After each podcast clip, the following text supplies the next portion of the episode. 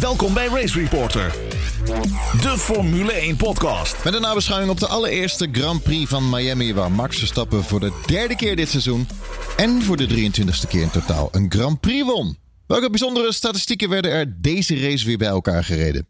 Het is de eerste keer sinds COTA 2012 dat een nieuwe race niet gewonnen werd door Mercedes en niet gewonnen werd door de polsitter. Door Max' 23e overwinning staat hij nu gelijk met het aantal overwinningen van Nelson Piquet en Nico Rosberg. Verstappen behaalde de 63ste podiumplaats van zijn carrière. Hij gaat daarmee David Coulthard voorbij en in de top 10 van meeste podia in de Formule 1. Het podium van Max Verstappen was ook zijn 63ste met Red Bull Racing. Daarmee evenaart hij het aantal podiumplaatsen van Alain Prost met McLaren. Vierde in de lijst aller tijden van de meeste podia met één team. Ik ben Lucas Tegen en zit hier met een iets ander team dan, normaal. Want Charles Jalving is met een verdiende vakantie. En dus zit ik hier met Jeroen Demmerdaal, autosportschrijver van onder andere Volgas Magazine. En NRC maker van Green Green Green podcast. Ik had een hele domme vraag gesteld aan Jeroen Demmerdaal afgelopen week. Ik vroeg of hij ook uh, bevrijdingsdag viert in Zweden. Maar dat, uh, dat doen ze niet aan. Ja, dat doen wij niet inderdaad. Dat is waar, Lucas. Jeroen Scholte volgt Formule 1 en MotoGP en maakt draaiboeken. Dankjewel uh, Jeroen Scholte, je ziet er goed uit. En onze speciale gast van vandaag, René Hoogterp. Wordt een beetje zenuwachtig van. IndyCar-commentator bij Ziggo Sport en collega van Jeroen Demmerdal bij Green Green Green Formule 1 podcast. Leuk dat je bij bent, René. Ja, goeiedag jongens. Dank voor de uitnodiging. Leuk. In deze aflevering onder andere de krankzinnige hype rond de Miami Grand Prix. Weer een zegen voor Max Verstappen. Dubbel podium, maar geen zegen voor Ferrari. Russell maximaliseert opnieuw. Alex Albon weer in de punten. De gevecht in het middenveld. De vooruitblik op de Spaanse Grand Prix. En natuurlijk de luisteraarsvragen die binnen zijn gekomen via Twitter. Dank daarvoor. Oké, de meest gehypte race in de geschiedenis van de Formule 1. René, jij bent Formule 1-expert en IndyCar-expert, mag ik wel zeggen, toch? Ja, ja, nou ja. ja, ja. er zitten hier meer mensen hier aan deze virtuele tafel die nog veel meer verstand hebben van IndyCar. Maar uh, Formule 1 kan ik best wel meelullen hoor. Wat, vind je, als, wat vind je van dit circuit? Nou, daar heb ik best wel een mening over. Um, kijk, natuurlijk, je zegt het al heel mooi, meest gehypte race. Als we het hebben over krankzinnig, dan was dit natuurlijk de overtreffende trap. Over de nephaven, er is al genoeg over gezegd. Wij nog niet, daar gaan we misschien nog wel over hebben. Oh, maar we hebben ook een nepstrand. Die hele optocht met die politiemotoren bij de, bij de podiumceremonie. Alles was show, alles was in die zin dan nep. Maar wat mij eigenlijk direct opviel bij die vrije training... en ik weet niet of jullie het ook opviel, mannen... Um, in de wijdshots, de helikoptershots, dan kon je echt de grootheid of misschien wel de absurditeit van, van, de, van het complex uh, echt heel goed zien. Maar ik vond het helemaal niet tot uiting komen bij de wat meer close-up shots. Hè. Toen de eerste auto's echt op het circuit reden, toen was dat in mijn ogen een beetje een mix van Sochi, Jeddah en misschien wel dat, dat stratenbaantje van Valencia wat we ooit hadden. Nou ja, dat dus. Hè. Ik bedoel, uh, wat je zegt, die close-up shots. Het, het, was een baan zonder enig karakter. Uh, als je me had verteld dat dit de parkeerplaats van de IKEA en Bokstel was, dan had ik het ook geloofd. Ja. Want uh, het, het, had gewoon geen, enkel, geen enkele uitstraling. Um, wat je zegt, die aerial shots die waren aardig. Al is het nog steeds gewoon een vredelde parkeerplaats rond een sportstadion. Um, maar ik, ik vond het allemaal het, en, en al dat neppen, weet je, op een gegeven moment wordt te veel nep, is ook gewoon te veel. Uh, en als ze op een gegeven moment zeemeerminnen in, in, in uh, meisjes in zeemeermin in pakjes hebben liggen. En je hebt die, die, die, al die astroturf. En dan heb je die, die gekke vo uh, American football helm op het podium. En ik, ik, was het op een gegeven moment, ik was het echt zat. Um, dus nee, ik, ik moet wel zeggen dat ik er, ik heb er niet heel erg van genoten van dit weekend. En van het pakket als zodanig. Um, en ik weet dat Will Buxton, uh, die gaat me dat niet in dank afnemen. Maar dat is dan maar zo. Nou ja, ik ben er gewoon wel mee eens eigenlijk. Ik, uh, ik moet eerlijk zeggen, aan de Amerikaanse show heb ik me niet zo gestoord. Alleen is dan, als je dan ziet wat je uiteindelijk voorgeschoteld krijgt qua circuit. Ja, dat valt dan zo heel erg tegen. Dat, uh, ja, dat is gewoon heel jammer. En ik moet eerlijk zeggen, ik had uh, vooraf uh, zeg wat beelden, had ik wat beelden gezien van George Russell die in de simulator dat rondje dan deed. Ik denk, nou, het is nog misschien best wel een aardige layout en er kan misschien best wel wat gebeuren. Maar ja, uiteindelijk in de praktijk ook met het hele slechte asfalt en dergelijke, die hele malle, krappe sector, er bleef eigenlijk niet zoveel van de echte racen over daar. Dus teleurstellend, ja. Ik wil even verder inhaken, want kijk, het circuit, kijk, daar kunnen we inderdaad wel een mening over hebben. Maar uh, ik heb er een beetje over zitten nadenken afgelopen weekend. Natuurlijk ook omdat ik wist dat, dat ik hier aan tafel zou zitten. Maar misschien gaat het wel even pijn doen. Kijk, wij zijn natuurlijk puristen. wij zijn de liefhebbers. Wij zijn de mannen en ook juist luisteraar. we zijn de mannen en vrouwen die mijmeren naar die schreeuwende V10's of, of whatever. Maar ehm, even hard gezegd, diezelfde groep, wij dus, ik denk niet dat wij de doelgroep waren van dit alles. Sterker nog, ik denk niet eens meer dat wij heel relevant zijn. Het gaat namelijk om die nieuwe generatie Formule 1-kijkers. En dan vooral in dit geval die in de VS wonen. Die misschien helemaal geen historisch besef hebben van een klassiek circuit als Silverstone, als Zandvoort, als uh, noem het maar op. Um, en als ik het dan zo bedenk, ik denk dat de FOM die twee lijnen heeft. Hè. Miami wordt bijvoorbeeld gebruikt om de nieuwe fans aan te boren.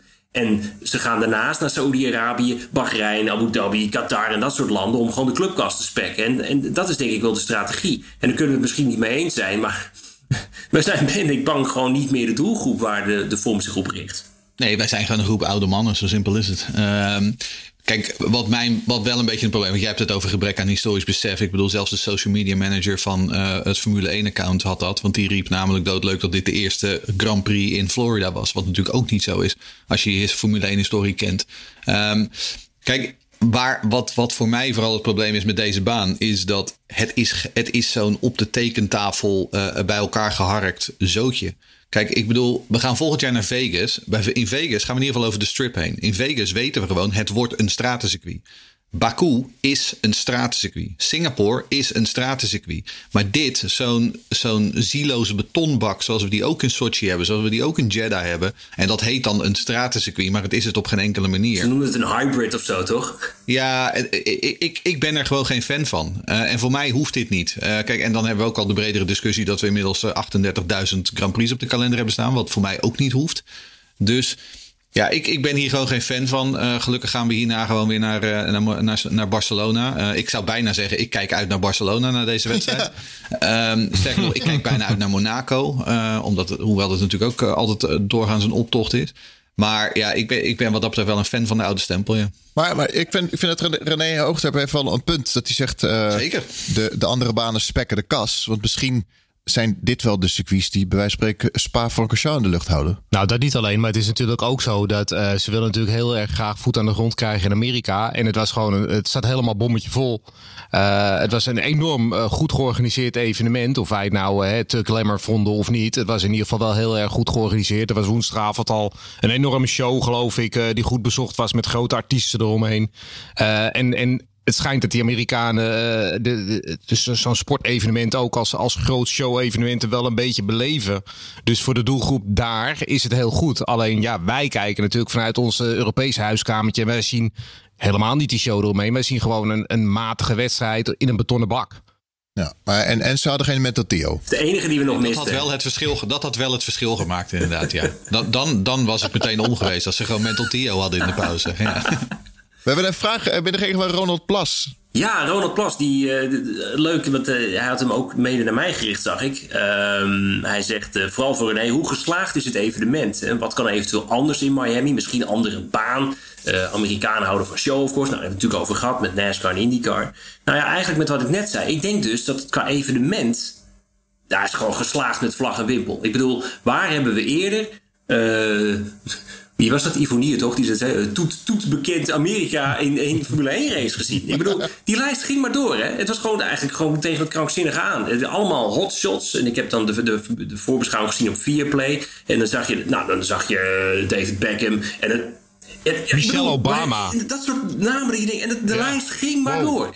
Uh, allemaal, allemaal mensen met allemaal followings, allemaal hotshots met miljoenen, misschien wel totaal, misschien wel miljard followers. En die zijn allemaal bij dit feestje. Dit was het feestje waar je bij moest zijn. Dat is PR-technisch. Nou, dat weet je natuurlijk ook alles van. Dit is gewoon een droom. Dus qua evenement is het ontzettend geslaagd als je het mij vraagt. Maar vraag je mij als purist wat ik ervan vond.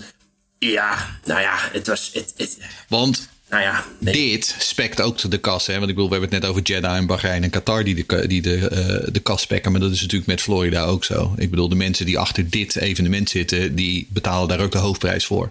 Want om eerlijk te zijn, ik denk dat ook uh, Liberty wel weet dat dit niet de meest ideale uh, racebaan is. Want uiteindelijk, als, daar gaat het natuurlijk om. Het, is een, het, moet een, het moet een circuit zijn. Het moet een baan zijn waarop de race valt.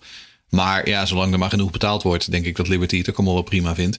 Um, en wat je zegt, tuurlijk. Uh, en er waren ook heel veel. Uh, Martin Brundle die zich wederom zeg maar, uh, verslikte in een bekendheid die hij niet kent. Sterker nog, in dit geval hield hij een basketballer voor een American voetbalster. dat was heel geestig. waarbij het op een gegeven moment kwam het op het punt aan dat hij zei: What is your name again? dat hij de persoon die hij net een minuut had geïnterviewd moest vragen wie het eigenlijk was. Um, maar inderdaad, in Amerika zijn al die mensen wereldberoemd. Dat is gewoon zo. Um, dus tuurlijk, ik denk dat het absoluut voor, hè, wat we natuurlijk ook met uh, Drive to Survive al gezien hebben, uh, voor de groeiende populariteit van um, uh, de Formule 1 in Amerika werkt dit enorm positief. En daarbij, als we daar dan toch wel mee bezig zijn, mogen we toch hopen dat Michael Andretti tijdens al die meetings met al die teambazen toch gewoon uiteindelijk de zegen heeft gekregen om binnen nu een paar jaar de Formule 1 binnen te komen. Race Reporter. Formule 1 podcast. Het weekend van Max Stappen en Red Bull Racing. Jeroen Demmedaal, eigenlijk een hele simpele vraag. Uh, Ferrari start vanaf de eerste rij. Hoe heeft Max Verstappen deze race gewonnen? Uh, nou, middels een aantal stappen. Uh, ten eerste goed starten. Vervolgens uh, daarmee dus een tweede plek pakken. En dus Carlos Sainz, CQ, de adjudant van Charles Leclerc, uit de weg ruimen. vervolgens gewoon langzaam maar zeker naar Charles Leclerc toe rijden. Die passeren en op die manier de leiding in de wedstrijd overnemen.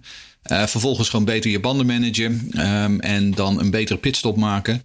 Ben je in principe, uh, uh, is je kastje op bedrogen. Um, dan komt er een safety car. Nou ja, dat is dan wel even, toen moest werd het wel even billen knijpen weer. Um, en dan vervolgens in die slotfase gewoon goed verdedigen. En op die manier uiteindelijk uh, weer een gat van 2, 3 seconden trekken. En op die manier win je een Grand Prix in uh, Miami. Hij reed echt bij hem weg uh, bij Leclerc. Ja, hij reed, maar hij reed ook gewoon uitstekend. Hè. Ik bedoel, dit was ja? zo'n, vooral gezien hoe moeilijk Max Verstappen en Red Bull het hadden op vrijdag. Uh, als je dan ziet um, dat hij uiteindelijk in de kwalificatie, hij maakt een klein foutje, maar dan nog steeds hè, gewoon derde op de grid, echt op een paar tienden. Um, en als je dan ziet hoe hij op zondag uiteindelijk die wedstrijd gewoon naar zich toe trekt. Um, en het hele team, want nogmaals, die pitstop die was uitstekend. dus het is uitstekend uitgevoerd van begin tot eind. en in die slotfase moest hij echt rijden voor, uh, dat ze leven er vanaf heen. Maar hij verdedigde uitstekend. Dit is, ik moet zeggen, dit was wel echt een van de sterkste races die ik Max Verstappen heb zien rijden. Maar dat waren ook die, die uh, acht rondes of zeven rondes naar de safety car. Dat waren echt de grote mannenrondes. En dat waren echt de rondes waarin Max op zijn allerbest was.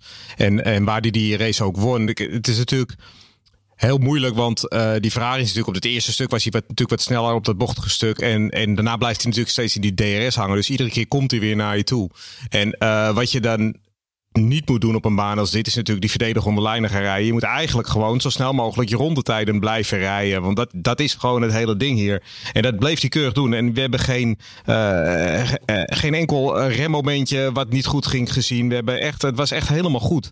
En onder zo'n grote druk, dat zijn echt wel de grote mannenrondes. En, en daarmee win je ook uiteindelijk races en kampioenschappen. Nou ja, en als je dan ook bekijkt, hè, dit seizoen, uh, inmiddels kennen we het statistiekje wel, of, of hij wint of hij valt uit. Nou, dat is dus nu al drie keer binnen dit seizoen. Maar trek het ja. eens eventjes door naar vorig jaar. Ik heb gewoon even de Wikipedia geopend. Als je sinds Hongarije bekijkt, dan is hij dus ofwel eerste of tweede geworden. Is er een uitvalbeurt geweest ja. in Monza. En dan is dus dit seizoen, hebben we het dus over 13 van de laatste 16 races dat Verstappen ofwel eerste of tweede is geworden. Als hij over de meet kwam. Ja, ja. dat zijn natuurlijk statistieken. Dat, dat, als je dan geen kampioen wordt. Ja, maar dat, dat is ook de kracht van Verstappen ook hoor. Ik had die statistieken ook op Twitter gezet. Hij heeft uh, nu evenveel uh, overwinningen als Nelson Piquet en Nico Rosberg. Ja. Nelson Piquet is drie keer kampioen. Ja. En uh, bijna evenveel podia's ook. Zo rond ja, de ja, goed. podia. Piquet reed natuurlijk een heel ander tijdperk, is moeilijk vergelijken. Maar uh, hè, op zijn 24 heeft hij dit allemaal bereikt. Dat is gewoon, dan ben je gewoon een hele, hele grote meneer. En dan word je een nog veel grotere meneer in de toekomst. Die, uh, de enige, wel omdat hij waarschijnlijk nog 15 ja. jaar te gaan heeft. Uh, want hij is inderdaad pas 24. ja. En zelfs geldt voor Charles Leclerc trouwens. Want ik bedoel, laten we wel zijn, Max Verstappen reed uitstekend. Maar Charles Leclerc in die slotfase gooide echt alles wat hij had. Uh, richting, richting Verstappen. En Verstappen moest echt 110% rijden om hem achter zich te houden. Deed hij ook uiteindelijk. Maar ik bedoel, we kunnen, uh, ook, ook Charles Leclerc verdient gewoon een prime ja, hier. Die, uh, die deed dat heel goed in die slotfase. Het enige dat ik denk waar, waar Max nog wat kan winnen, blijft toch die kwalificatie. Want als je naar de afgelopen zeven races krijgt, dan heb je twee keer Saudi-Arabië. Uh, de eerste keer hangt hij met de muur, de tweede keer heb je Perez die die pole pakt. Dus die had Max ook kunnen pakken. En je ziet natuurlijk dit weekend, heeft hij ook Die pole had hij ook kunnen pakken. Dus drie keer in zeven races laat hij een pole liggen. Daar moet je toch. Kijk, weet je, uh, hij is een van de beste kwalificatie, uh, qualifiers van het veld. Maar daar hebt hij nog wel momenten dat ik denk, ja, dat had hij beter kunnen doen. En uh, ja, dat is misschien. Ik, ik, weet niet waar dat aan ligt. Misschien is dat toch dat hij niet op het juiste moment naar buiten gaat. Dat hij zijn banden niet op, de, op het juiste moment kan opwarmen. Op de juiste manier kan opwarmen. misschien is het een mindset of ik heb geen idee, maar dat zijn wel, dat is het enige waarvan ik denk, nou, daar kan hij echt nog wel groeien. We hadden het voor Red Bull Racing. Geen probleemloze race voor Checo Perez en geen podium. Ineens zei hij dat hij uh, drie seconden... Die, die ja, die engineer. Die engineer. Mijn god, wat werd ik moe ja, van die vent. Hoe kan dat? Ik bedoel, je ziet op de timing dat, dat Checo Perez opeens, wat is het, 6, 7, 8 seconden ja. achter Sainz rijdt. Ja. Terwijl hij er vlak daarvoor nog weet je, vol op zijn ja. versnellingsbak zit. En dan Checo, I'm losing power. En die gast, nee joh, je bent gewoon de toon kwijt. Ja. nee, hij zit er te verzinnen. Luister nou gewoon naar die gast. Ook, maar dit is het probleem met die engineers tegenwoordig. En met een hulp van dat soort gasten. Hè, die, die kijken op hun data. Daar vertrouwen ze blind op. En als de data zegt dat het goed is, ja, dan zal het wel goed bizar, zijn. Ja. Maar uiteindelijk zit er nog steeds een, jong, een meneertje achter het stuur van die auto. En die heeft echt door of er wat fout is of niet. Hij zei ook, um, op, op het stuk verlies ik drie seconden, zei hij nog. Ja, ja nee, daarom. Dus ik, ik dacht, nee, ik zat me echt te verbijten over die vent. Maar goed, hoe dan ook. Um, wat ik een vraag van Rick van Lee. En die zegt, hoe kun je 30 pk verliezen uh, en het middenveld nog steeds makkelijk voorblijven? Is het gat zo groot? Uh, nou, het antwoord daarop is heel simpel. Ja, het gat is zo groot. Um, en ik heb ook wel het idee, want op een gegeven moment werd hem natuurlijk verteld dat hij in een of andere weer zo'n reset code. Dan moet je even Control Alt Delete doen op je, stuur, op je stuurwieltje en dan, uh, dan, dan, loopt het allemaal weer. Ja, sensor. Uh, maar inderdaad, er was iets met. Waar, waar komt die 30 pk vandaan dan? Is dat, is dat gezegd? Dat weet ik niet. Ik heb geen idee. Maar ik weet wel dat hij op een gegeven moment ja, verloor wel ja. wat, wat vermogen. Ja. Uh, en dat had waarschijnlijk te maken met inderdaad met, die, um, met dat cursysteem. Dat daar iets niet helemaal 100, uh, 100% was. Ja, en dan reset hij de boel. En uiteindelijk had ik het idee dat Perez wel gewoon weer normale rondetijden draaide. Um, maar ja, het punt is wel, hij heeft dus, hij kan dus rustig 7, 8 seconden verliezen op uh, Carlos Sainz in twee ronden tijd. Uh, en nog steeds gewoon fluitend naar die vierde plek toe rijden. Want dat is het wel. Um, ja, het gat tussen Ferrari en Red Bull en de rest van het veld is op dit moment echt enorm. En daarbinnen is dan het gat tussen Verstappen en Leclerc en Sainz en Perez ook weer enorm. Want voor die safety car reed Sainz op een gegeven moment geloof ik op 20 seconden achter uh, Leclerc. Dus ook daar weer, deze discussie hebben we al eerder gehad. Maar als, als Carlos Sainz echt denkt dat hij nog een keer uh, wereldkampioen gaat worden dit seizoen. um, ik, ik, hoop dat hij kan schrijven, want dan kan hij dat op zijn buik schrijven. Ja, dat is een beetje het uh, David Coulthard syndroom. Die volgend jaar, jongens, volgend jaar. Ja, ja, ja volgend jaar. Ook nog een vraag van Menno. Ja, Menno die vraagt... Uh, vorig jaar hoorde je al uh, veel over de mechanische grip en de voordelen hiervan. Dit jaar hoor je hier heel weinig over. Is het door de nieuwe regels niet meer goed mogelijk of is het binnen van belang? Um, als ik daar dan antwoord op mag geven. Wat, ik denk, um, tenminste wat mij in ieder geval opviel. En misschien wel een direct gevolg is van deze nieuwe reglementen. Is dat er eigenlijk, eigenlijk helemaal niet zoveel mechanische grip zit. überhaupt in deze auto's. Deze auto's zijn natuurlijk uh, zwaar, uh, lang, log. En ook nog heel stijf geveerd om die vloer maar te laten werken. En omdat die downforce nu via de vloer überhaupt wordt gegenereerd. en niet zoveel via de vleugels. Dan moet er gewoon heel veel lucht onderdoor stromen. Dan werkt die wel. Maar bij de trage gedeeltes dan zie je dat ze maar moeten sleuren en werken. En ook in Miami, dat Mickey Mouse gedeelte, dat, dat, daar zag je het ook. En het is zo duidelijk dat deze generatie Formule 1 auto's niet door slow speed langzame bochten kunnen, kunnen sturen. Dus ik ben heel erg benieuwd in die zin hoe ze Monaco rond gaan komen. Dat zal tergend traag aanvoelen, denk ja. ik. Maar tegelijkertijd, omdat het dus, dus, daar valt dus ook heel veel winst te behalen, mocht je dat dan wel voor elkaar krijgen. Dus ik, dus ik, ik denk, om even antwoord te geven, uh, Menno, ik, ik denk dat men gewoon ook bezig is met het überhaupt doorhebben van, van de auto. En het mechanische grip eigenlijk misschien nog niet eens de, de, de, de er zijn heel veel teams die nog steeds dat, dat stuiteren voor elkaar moeten krijgen. En daarna gaan ze kijken of we misschien mechanisch wat kunnen toevoegen. Maar dat is, uh, dat is, dat is denk ik een heel belangrijk aspect. Dat men nog eigenlijk überhaupt niet heel goed weet hoe die auto's werken. Maar we zitten natuurlijk nog helemaal aan het begin van deze auto's. En we houden deze auto's een jaartje of vier. En uh, dan gaan ze een stuk sneller door Monaco, denk ik. Vraag met de van Hendrik. Max heeft nu 23 overwinningen. Vanaf de volgende staat hij gelijk met Fanjo. Nog eentje en hij staat in de all-time top 10 lijst naast Clark en Lauda. Is natuurlijk enorm afhankelijk van het materiaal. Maar wanneer verwachten jullie Max in de top 3 van de meeste overwinningen? Nou, dan moet hij er nog uh, 32 volgens mij halen. Hè? Want dan moet hij, uh, moet hij Vettel pakken. Die staat op 53.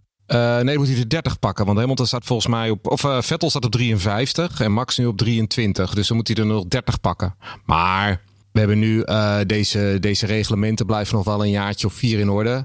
En uh, met de huidige auto en de huidige motor uh, zal de Red Bull de komende jaren nog wel af en toe zo zijn races blijven winnen. Maar we moeten niet vergeten dat jongens zoals Vettel en, en, en, zeker Schumacher en Hamilton, die hebben natuurlijk jaren van dominantie gehad. Waarin zij hun, hun aantal Grand Prix overwinningen zo hebben opgevijzeld. En Max is nu eigenlijk pas sinds anderhalf jaar echt heel veel aan het winnen.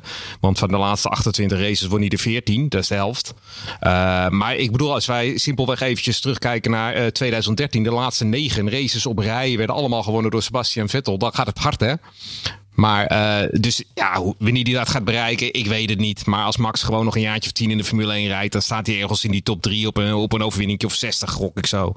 En dat is, uh, dat is, dat is geweldig. Dat is ook het voordeel dat er gewoon veel meer races in het seizoen zitten. Want ik bedoel, Alain Prost staat geloof ik uit 51, 51 uit mijn hoofd. Um, wat natuurlijk ooit echt ja. een absurd hoog uh, aantal was. Ja. En als Senna staat op 41. Ja, 41, 41, ja. Ja, um, maar ik bedoel, weet je, als je dat vertaalt naar seizoenen waarin er gewoon 15 à 16 races werd gereden, maximaal. Ja. Um, dat was echt gewoon ontzettend knap. Uh, hoe die gasten, zeg maar, ook gewoon over langere tijd dominant konden zijn. En ik denk dat dat is wat een hoop van die gasten, wat Vettel, uh, maar ook Hamilton en, en, en Schumacher natuurlijk gemeen hebben, is dat ze over langere tijd gewoon ja. zo dominant konden ja. zijn uh, in hun periodes. En om ook te zijn, ik heb het idee dat Verstappen in eenzelfde soort periode gaat. Leclerc, die is nu net zo'n periode aan het betreden, zo lijkt het. Want Ferrari uh, doet nu gewoon weer vooraan mee. Um, dus ja, kijk, uiteindelijk, je hebt wel gewoon. Uh, je moet wel domineren. Je moet de langere ja. tijd domineren. Wil je jezelf in die top 3 weten te nestelen. Um, want jij hebt een heleboel niet. kansen. Maar dat betekent ook een heleboel kansen om wedstrijden te verliezen. Ja, want we dachten het ook ooit van Fernando Alonso. Hè? Vergeet het niet. Ja, 2005, 2006 dachten wij. Nou, Fernando Alonso die gaat nog jarenlang uh, de Formule 1 domineren. Nou ja, dat pakt uiteindelijk ook anders uit. Dus we moeten maar afwachten. En ja, wat Jeroen al zegt, die statistieken die zijn niet zo heel veel meer waard ten opzichte van vroeger. Hè? We moeten ook niet vergeten dat Fangio die heeft 24 overwinningen, maar de helft van al zijn races zo'n beetje gewonnen. Hè? Dat is een ongekende statistiek. Gewoon bijna 50% van zijn races gewonnen. Percentage. Ja. ja, maar in aantal is het is 24 valt dan mee, maar in percentage. Race Reporter, de Formule 1 podcast. De race van Ferrari. Uh, dubbel podium, maar wel verloren. En dan ga ik eigenlijk dezelfde vraag stellen, omgekeerd. Dezelfde vraag aan jou, Jeroen Scholten. Uh, waarom heeft Ferrari hier niet gewonnen? Want dat is natuurlijk vanaf de eerste startrij vertrokken. Nou, ik denk dat Ferrari uh, voor de races ook gewoon een lastigere auto hebben. Kijk, ze hebben gewoon uh, over één ronde hebben ze een geweldige rondetijd. Want die auto die is in, de, in de wat langzamere bochten sowieso in de bochten wat sneller dan de Red Bull. Maar op de rechte stukken niet. Hè? Nou, dat is inmiddels wel een, een vrij bekend verhaal. in kwalificatie maakt het niet uit, want dan gaat het om rondetijd. Het maakt niet uit waar je die, waar die tijd wint, als je maar ergens wint. maar in de race is het natuurlijk een ander verhaal. Want als je dan die rechte stukken, die, die, die snelheid niet hebt, dan is het gewoon heel moeilijk om aan te vallen en ook heel moeilijk om te verdedigen. En dat comprimeert altijd je race. Uh, dus wat dat betreft, uh, de raceauto van, uh, van Red Bull is gewoon een, een fractie beter dan die van Ferrari. Het is nou ja, beter. In ieder geval makkelijker om mee te racen. Het is niet makkelijker om een goede rondetijd te mee te rijden, maar het is iets makkelijker om ermee te racen. En ja, daarbij uh, natuurlijk het probleem dat ze op de mediums, uh, ja, die vreten ze iets sneller op dan de Red Bulls. Ja. Dus uh, ja, tel die twee dingen bij elkaar op. En ja, normaal gesproken wint Max deze race met, met 10 seconden voorsprong. Wat een mooi gevecht. mooi gevecht. Dus daar hebben ze het verloren. met Checo, die nog een uitrem do or die day.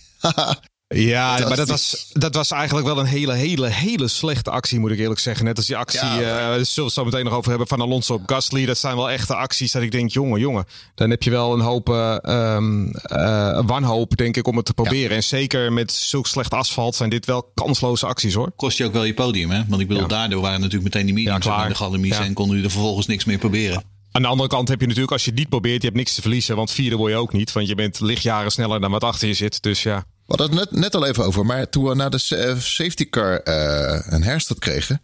Was er twee, twee ronden nog even een leuk gevecht, geloof ik. Twee ronden. Maar daarna uh, greep Max gewoon weg of hield Leclerc zich in. Op een gegeven moment acht seconden. Uh, wat achter de, naar de pitstops? Ja, op een gegeven moment kon Leclerc kon Max niet meer bijhouden. Zij probeerde ja, maar alles. Is, maar ja, maar dat is hetzelfde verhaal als na die safety car natuurlijk. Je kan er even bij blijven. En door de, maar als je iets langzamer bent, dan kan je door die DRS er nog wel een beetje bij blijven. Maar op een gegeven moment leg je het toch wel af natuurlijk. Ja. En die banden gaan op een gegeven moment, als je er heel lang achter blijft, worden die ook weer te heet en alles. Dus het op, ja. Ja, maar op een gegeven moment was het ver gewoon opgegeven. Dacht hij, nou nu lukt het niet meer, dus klaar. Ja. ja. Ja. Vraag ben ik er nog van Sjoerd Duiven. Uh, Sjoerd vraagt, waarom verdedigt Leclerc bijna nooit de binnenkant? Vanaf Oostenrijk 2019 lijkt dit een patroon. Uh, Ja, uh, Oostenrijk 2019 weten we allemaal nog wel te herinneren, denk ik. Ik, uh, ik, uh, ik, ik geloof hem zo als hij zegt dat het een patroon is, dat weet ik niet. Ik denk in dit specifieke geval kon ik het me wel voorstellen. Want hij, hij zeilde natuurlijk dat laatste rechte stuk op, DRS-stuk op, waar de start-finish zit. En toen zat Verstappen eigenlijk al in zijn, in zijn versnellingsbak. ik denk dat Leclerc probeerde om op de goede lijn te blijven, waar, waar de meeste grip ligt. En de buitenkant, hopelijk met z'n tweeën de, de, de, eerste bocht ingaan, dat hij in de buitenkant iets meer snelheid mee kan nemen en Max af kan knijpen daar. Uh, ja, gaat hij naar de binnenkant, dan komt hij ook nog eens en heeft hij en minder snelheid en minder grip. En dan zit hij ook nog aan de binnenkant, dan wordt hij geknepen. Uh, dus ik denk dat hij daar gewoon logisch voor de buitenkant ging. Alleen het was gewoon niet te houden. Max was gewoon veel sneller. Ja, ik denk eerlijk gezegd dat Charles zelf al dacht bij die exit van die hairpin, waar hij natuurlijk heel erg waardeloos uitkwam, dat hij toen eigenlijk al wist, oh, ik ben hem al kwijt. Dus dan kan je natuurlijk ook echt extreem gaan verdedigen. Waar je al met alle risico's van die rotzooi op de banden. Dan had hij misschien al gedacht: oké, nou, hier ben ik hem eigenlijk al kwijt. En dan uh, niet veel meer risico nemen. Misschien heeft hij al ja, geleerd van Imola, zo kunnen. Dat is het ook, hè, wat je zegt. Want het is ook ronde 9 pas. Hè? Dus je kan op een gegeven moment ook je verlies nemen. En dan kijken hoe de wedstrijd zich ontwikkelt. Want het was eigenlijk niet meer te houden voor hem. En had hij het nu nog wel gedaan, dan was het de volgende ronde later alsnog gebeurd. Dus. Gaan we nog een science hebben? die uh, had een vreselijk uh, slecht weekend weer. Wat was de kwalificatie of training? Vloog hij eraf? Uh, ja, hij vloog in de, in de training vloog hij eraf. En dat, dat, dat was natuurlijk voor mij de derde crash die hij heeft. Maar de tweede keer dat hij er wat aan kan doen. Ehm, ja, de man staat onder grote druk. En dat heeft er gewoon mee te maken dat wat hij ook doet. Leclerc is altijd een toefje sneller. En, en dat heb ik ook al eens bij Verstappen aangegeven. Dat is gewoon voor een coureur zo frustrerend. En ja, zo schrijf, je, zo schrijf je Ferraris af. En dan kan uh, Binotto wel na het weekend zeggen van ja, ik denk dat Red Bull zo meteen moet stoppen met updaten, want die gaan ze heel snel door een budgetcap heen. Maar ja, als Sainz zo blijft crashen, dan gaat zij er ook vrij snel doorheen. Nou, maar jij zegt hij staat onder druk. Ik, ik snap dus niet waarom hij onder druk staat, want hij heeft namelijk net zijn contract met, nou ja. uh, met tig jaar verlengd. en tegelijkertijd Waar het probleem zit, is tussen zijn oren. Omdat hij zichzelf maar blijft wijsmaken dat hij nog steeds net zo goed is als Leclerc. Maar als je kijkt naar, de kamp, naar het kampioenschapstand. We, hebben, we zijn vijf races uh, in het seizoen. En Leclerc heeft nu al twee keer zoveel punten als Carlos Sainz. Ik bedoel, het is gewoon klaar. Het is gewoon over. En hij moet, hij moet dat ook gewoon. Weet je, wat, wat, ik, wat ik krijg het idee, hè, juist omdat het natuurlijk nieuwe auto's zijn, omdat hè, iedereen is nog zeg maar zijn, zijn, zijn uh, zitje aan het vinden, zeg maar, en ze draaien aan het vinden. Ik heb die, die auto, dat hij die auto regelmatig gewoon overdrivet. En daardoor dus dit soort risico's neemt. En, en, en, in dit, en nu al drie keer de auto in de, in de vangrail gehangen En dat doet hij dus omdat Leclerc structureel iets sneller is. En daarom denk ik dat hij gaat overdriven. En dat is een soort druk die hij in zijn hoofd dan voelt. Misschien is druk niet het juiste woord. Maar uh, dat is wat hij in zijn hoofd voelt. Dat wat ik ook doe. Er is altijd iemand die is een tiende of twee tiende sneller. En dus er zit meer in die Ferrari. En dus gaat hij dat op allerlei manieren proberen eruit te persen. En dan krijg je dus dit. Je, je, zag het ook aan het einde van de. toen die auto uitstapte. Had echt in die stress in zijn ogen. Ja, en uiteindelijk, kijk, als die safety car in die is, eindigt hij ook gewoon weer, weet ik veel, 10 seconden achter zijn teamgenoot of zo. Ja. Ja, ja, ja goed. En dat is dan het verschil. Nou, hij reed er 20 seconden achter. 20 zelfs. Nou ja, hier. Kijk aan. Ja, ja dat is echt heel ja. veel. Uh, maar goed nieuws voor Sainz. Grote updates aangekondigd uh, voor Barcelona. Ja, goed, dat is wat, wat, wat Ferrari nu uh, hè, die, uh, gaat doen. Die gaat nu natuurlijk een uh, grootste update. Hebben ze nog niet gedaan tot nu toe. En die beginnen ondertussen over. Hè, we, we, proberen zo geld te besparen. En, en ze zijn. Ja, ik vond het een hele rare uitspraak van Binotto. om over die budgetcap te gaan beginnen. Want we zitten nog vroeg in het seizoen. En bovendien denk ik, ja. Wat weten wij nou van die budgetcap? We hebben geen ideeën, weet je. Er zijn allerlei ontwikkelingskosten die erin zitten. Research en, en inderdaad ook updates. En, en herstelwerkzaamheden na crashes. Er zit van alles in. We hebben geen enkele inzage in wat zo'n team uit heeft gegeven tot nu toe. Het is net zo'n flauwe uitspraak als vorig jaar. Toen we steeds hoorden van ja, in 2022 doet Red Bull niet mee. Want die zetten alles op 2021. Dat zijn allemaal van die theorieën. Dat ik denk, ja, wat, dat, dat, slaat nergens op. Dat, dat zijn gedachten, maar dat is gebaseerd op lucht. Wij weten niet wat er aan de hand is bij Red Bull. Wij weten helemaal niet wat daar speelt. En eh, dat, dat... Zit je nou een beetje te verkondigen dat wij hier langs de zijlijn maar wat zitten te nou, roepen? Nou, ik zit te verkondigen dat Matteo Binotto maar wat zit te roepen. Want wat die, die oh, zit te brullen over. Ja, ja wat, wat weet hij daar nou van, joh? Nee, helemaal niks. Ja, wat heeft die nou verstand ja, van? Nou ja, hij zit te vertellen, ik heb updates geteld en ik weet wat het ongeveer kost. Dus dan weet ik ook uh, wanneer ze niet meer kunnen updaten. Maar dat slaat nergens op, want uh, je weet helemaal niet uh, wat, wat, wat Red Bull tot nu toe aan research en development allemaal heeft verbruikt. Dus ja. Nee, en die wisselkoers met die Italiaanse lieren. Ook hè? nog. Dat, dat speelt natuurlijk ook wel weer mee. Ja, nee, precies. Race Reporter. De Formule 1 podcast. Kijk je naar Mercedes. Knappe race van Russell vanaf achteraf. Hij uh, startte vanaf twaalfde op de grid en werd uiteindelijk nog vijfde voor zijn teamgenoot. Jawel, en dat is niet de eerste de beste. Mede mogelijk gemaakt natuurlijk door Bottas die zich verrende. Erg zonde. Het was mooi geweest als Bottas voorbij de Mercedes was gefinished. Maar het had niet zo mogen zijn. In ieder geval, uh, vraag je René, denk je dat Mercedes langzaam aan het terugkeren is naar het derde team? Nou, uh, ik denk dat dat wel het meest interessante wordt de komende races. We hadden het net al eventjes over het updatepakket wat, wat Ferrari gaat meenemen. Maar dat gaat natuurlijk een hele ontwikkelingsrace worden van dit seizoen. Hè. Uh, afgelopen jaren reden we min of meer met dezelfde auto's, met dezelfde filosofie, kleine details natuurlijk nagelaten. Maar nu is iedereen, wat je ook al zei, iedereen is vanaf nul begonnen. Er is ooit half 2019 moet dat dan geweest zijn, een soort concept bedacht voor 2020. Nou, dat werd dan even een jaar uitgesteld of nog een keer uitgesteld. En dat is dan gefine-tuned en toen in de computer gepropt, data uitgekomen. Ja, dan vervolgens kom je er in, uh, in februari, februari dit jaar achter dat het een beetje werkte of juist niet. Dus je kunt, als je eenmaal de sweet spot gevonden hebt, echt heel veel meters maken. Je krijgt er een beetje 2009 vibes bij. Um, uh, toen uh, bijvoorbeeld McLaren uh, had een bepaalde filosofie van de auto. Dat werkte totaal niet. Maar halverwege het seizoen hadden ze een update. Wat helemaal niet een hele enorme update was. Maar het was een aanpassing van de voorvleugel. Maar dat zorgde ervoor dat de complete auto opeens wel werkte. En toen was die auto meteen competitief. Dus bij Mercedes zou dat misschien ook zomaar kunnen werken. En daar ben ik bij wijze van nog tussen aanstekens bang voor. Dat ze zomaar iets kunnen vinden waardoor die auto opeens wel goed werkt. En, en zomaar een seconde kan pakken. Wat, wat je vorig jaar, eh, met die filosofie van auto's die al uh, tig jaar uh, zo bedacht zijn, dat kun je niet in een jaar en een seconde goed maken. Maar nu, omdat niet iedereen echt die auto leert, tenminste ze leren pas die auto echt kennen op het circuit. Ik denk dat het zomaar zou kunnen. Dus als het ergens kan om een seconde te pakken, waarom dan niet dit seizoen? Los van de mogelijkheden van die budgetcap dan, maar daar weet Matteo meer van. ja. Nou, hij is wel heel veranderlijk, hè, die, die auto. Ik bedoel, als je ziet hoe. Uh, als je de prestatiecurve van die auto gedurende dit weekend bekijkt. Het is echt een yo-yo.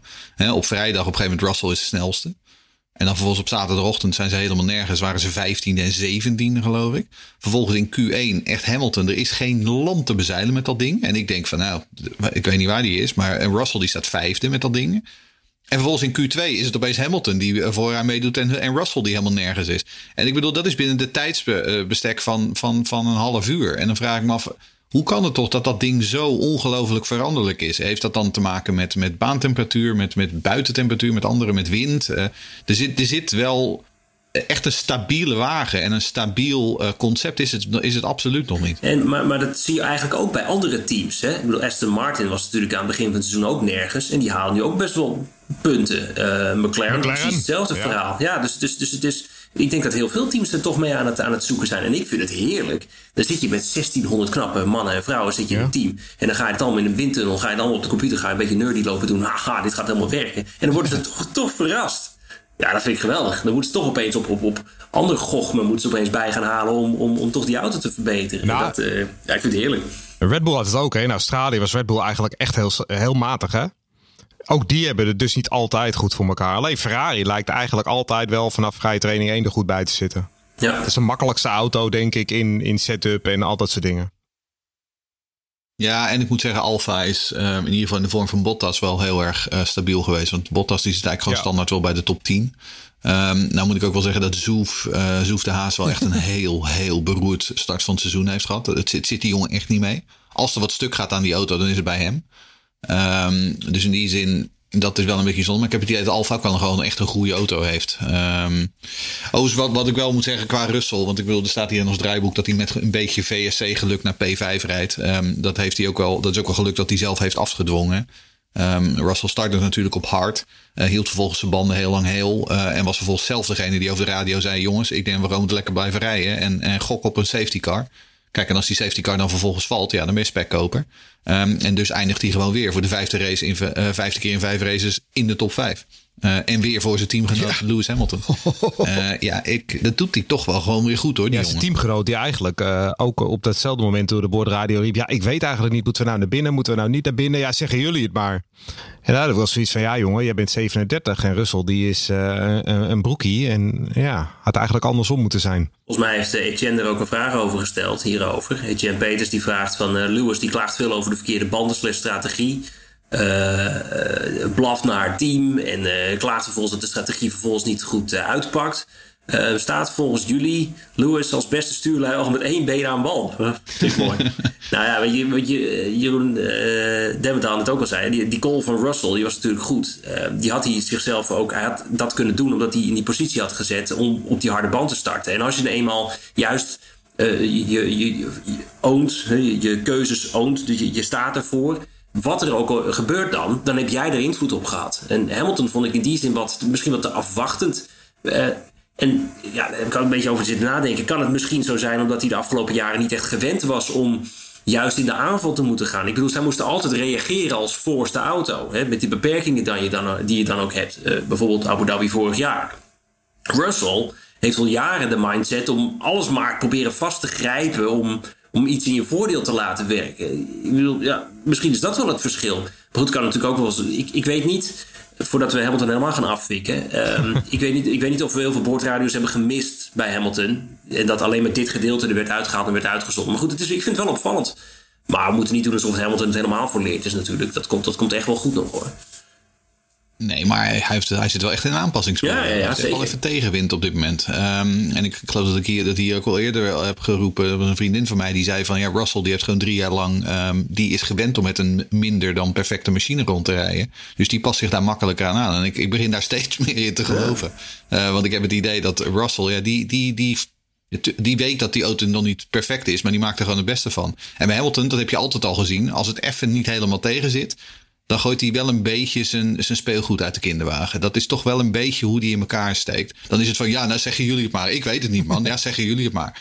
En dan denk ik, ja, wat jij zegt, hij is 37, hij is zevenvoudig wereldkampioen. Een beetje meer regie en een beetje meer verantwoordelijkheid voor dat soort dingen nemen. Uh, dat mag dan wel volgens mij. Ja, maar het is natuurlijk ook frustrerend hè, dat, dat uh, nu redelijk om zijn oren rijdt. Ik denk dat dat ook echt wel tussen zijn oren gaat zitten. Nou, het helpt niet, denk ik. Nee. Kijken we naar de gevechten in het middenveld. Daar is ook weer een hoop gebeurd. McLaren scoort weer nul. Albon en Ocon laten zich zien.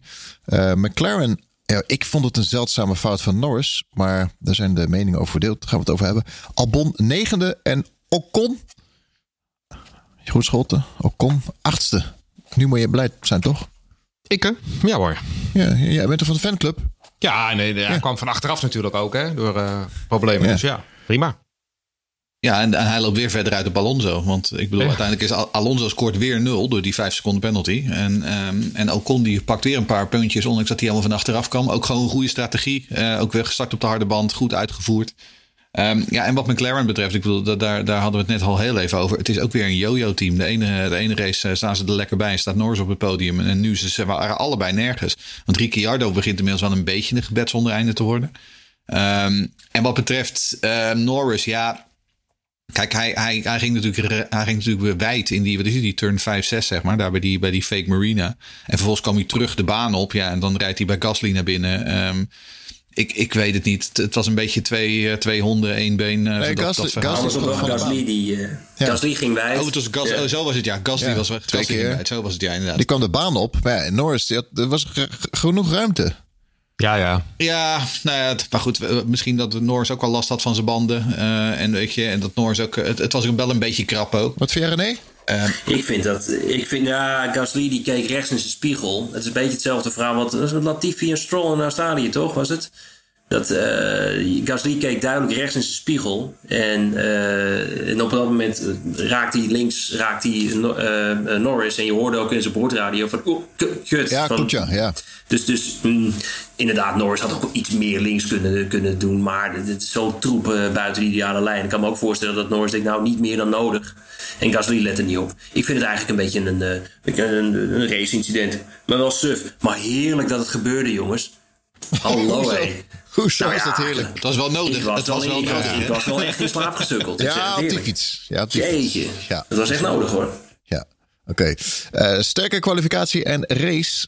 voor opgeleefde Bottas. Ja, want Bottas die heeft, eh, even kijken, even spieken. Die heeft nu al gewoon nog 30 puntjes bij elkaar gereden in de eerste Ja, vijf. eh, alleen even remde Ik bedoel, ze. eh, we, hebben- we, we, we hebben jaren meegehad, eh, meegemaakt dat het bij Alfa iets moeilijker ging, wat dat betreft. Hè? Ja. Dus nee, ik bedoel, en- wat ik net al zei, ik heb het idee dat die auto wel gewoon echt goed is. Er zit natuurlijk een Ferrari motor achterin, dat, dat helpt. Ehm, maar ik heb het idee dat ze, ze beginnen dan toch langzaam maar zeker wel een beetje achter...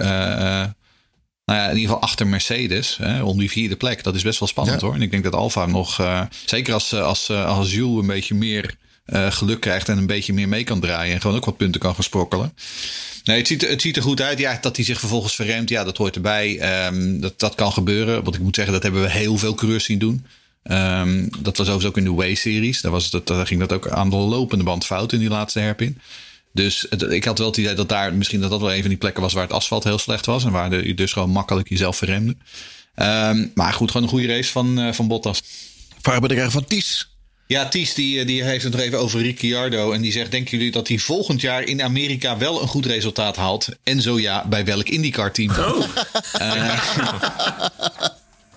Wat Nou ja, ik geloof dat ik het... Heb ik het hier in de Green Green Green over gehad? Of was dat hier? Dat ik dacht van, nou, ik zie eh, Colton Hurt dan nog wel een keer die kant op gaan. Ehm, want ja, wat ik zeg, zei Ricciardo, het is, het is niet best. Ehm, weer niet. Eh, nog steeds niet. Eigenlijk al anderhalf jaar niet. Eh, ik kan me niet voorstellen dat ze hem gaan verlengen na dit jaar. Ehm, en wie gaat Ricciardo's riante salaris dan overnemen? ik vind het wel nou, triest, weet ik hoor. niet.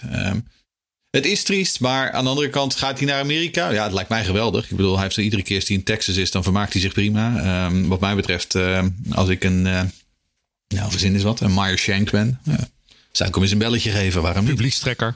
Misschien dat hij er zin in heeft. Commercieel, ja. Ricciardo was, was ontzettend sterk in die generatieauto's vanaf 2014 tot 2016. Daar was hij heel sterk in. Ja. En als je dat dan toch gaat vertalen naar IndyCar, waarbij je eh, relatief minder aerodynamische druk hebt, maar redelijk, maar, maar wel een beetje dat, dat, dat glijden. En dat, daar was hij gewoon in die generatieauto was hij heel goed in. Je merkte eigenlijk al vanaf 2017 met die dikkere auto's, dat hij daar, eh, ja, dat had net niet die, dat, die, die, punch die hij daarvoor wel had. Dus en ik denk dat die 2022 generatie auto's dus nu nog verder weg staat van het beetje, beetje dat glijden, beetje dat, dat doen. Dus wat dat betreft, ik denk dat een, een, een IndyCar qua rij... Ik heb nog nooit tussen ding gereden, laat het duidelijk zijn. Maar dat, dat, dat past, dat, dat, in theorie zou het best wel prima bij Ricciardo kunnen passen. Dus ja, ik zou het toejuichen. Ik blijf toch altijd eh, even als, als oude Formule 1. eh, eh, eh, met wie kunnen we hem vergelijken met eh 80, 90 jaar rijder? Alesi, Nou, die heeft, die heeft één keer gewonnen. Hè? Dus ik ook nog aan te denken. Ja, maar wel, wel zoiets. Nee, Berger. Ik vind Ricciardo Ja, een Berger. Berger. Als je vooral de vroege, de vroege Berger. Eh, toen hij nog in eh, de Benetton en in eh, de, zijn eerste periode bij Ferrari. Toen was het ook een heel erg af en toe even flink powerslidend door, door Massenet op Monaco en zo. Ik bedoel, dat is wel een beetje wat ik in Ricciardo zie. Eh qua, qua type persoon, persoonlijkheid heel verschillend. Maar Ja. Rijstijl. Ja, gewoon een Berg heeft wel, rijstijl heeft wel een hele lange carrière gehad. Heeft in meerdere generaties auto's gereden. En Ja. Ricciardo, ja, als ik dat verhaal ook zo van René hoor, waar ik me wel een beetje bij aansluit, is dan toch een beetje beperkt met de auto die hij krijgt. En ik vond Berger eigenlijk wel altijd wel op een bepaaldzelfde niveau.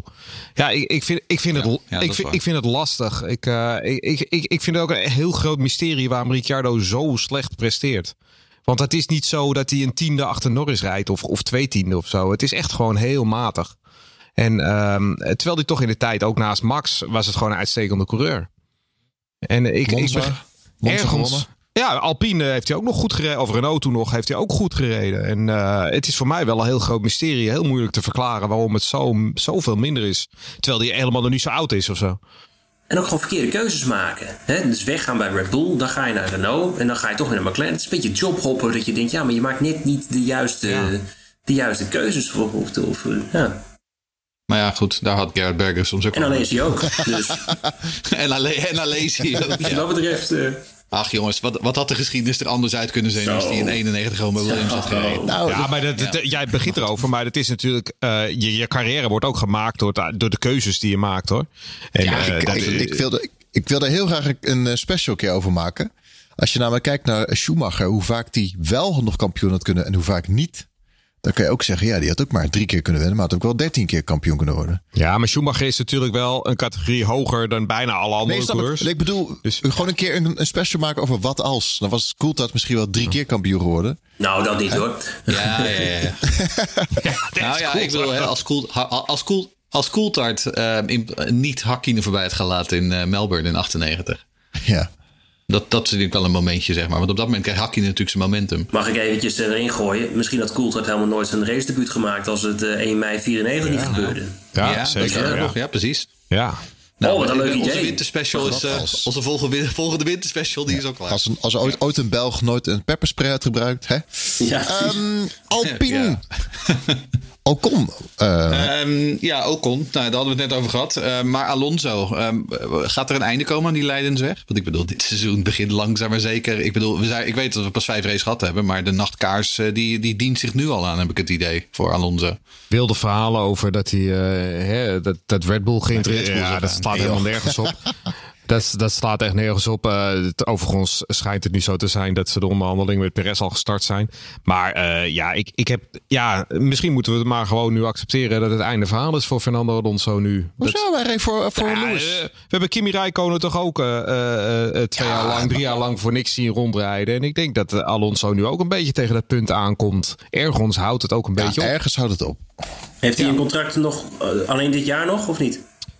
Weet u dat? Uh, dat weet ik niet eigenlijk om eerlijk te zijn. Nou, uh, voor mij dit jaar nog. Maar wat hij pas gedaan heeft, is dat hij zijn. Uh, hij heeft een persoonlijke sponsordeal getekend met Castrol. Drie keer rijden wie de oliesponsor is van, van Renault en Alpine. Ja. het is ook wel gewoon een slimme jongen, hè, ons Fernando. Hij is niet ja, helemaal op en, en, en, een leuke jongen. En op zijn, op zijn dag is het natuurlijk een geweldige ja. racer. Maar ja, ja, exact, ja. ja di, di, deze actie bij Gasly, ik, jeetje, ik vond het ook wel een ontzettend domme actie voor een ervaren coureur. Die, ga, die, gaat echt nergens over. Actie. De actie op Lewis vond ik wel leuk. Nee, maar het, het was, het, het, was hetzelfde als ik bedoel Vettel en, en Mick Schumacher. Ja. Ik bedoel, dat, daar kunnen we het nu ook Goeie wel over genade, hebben. Ik, ik, en, dan, en dan vind ik Vettel, dat vond ik heel netjes dat hij aan de afloop zei: Ja, we hadden dit allebei beter ja, moeten ja, doen. Ja, ja, ja, nou, Vettel, nu ben je heel mild hoor okay. voor ons Mick. Maar want ik weet niet wat ons Mick daar uh, aan het doen was, maar het leek helemaal nee, niet. Maar dan moet ik wel eerlijk zeggen dat ik dit van Alonso minder verwacht dan van Mick Schumacher. Ja. ja. Dit mag Alonso niet overkomen. Maar goed, ik ben het ook wel eens met Jeroen. Net. We zijn pas vijf, uh, vijf races ver of zo dit seizoen. Dus we moeten even wat langer de tijd geven voor hem helemaal definitief afschrijven. Maar wellicht dat de sleet er gewoon op zit bij Alonso. Thuisrace om tevreden voor Haas. Ik vond het wel even, even leuk over die, die, die uh, crash van Mick.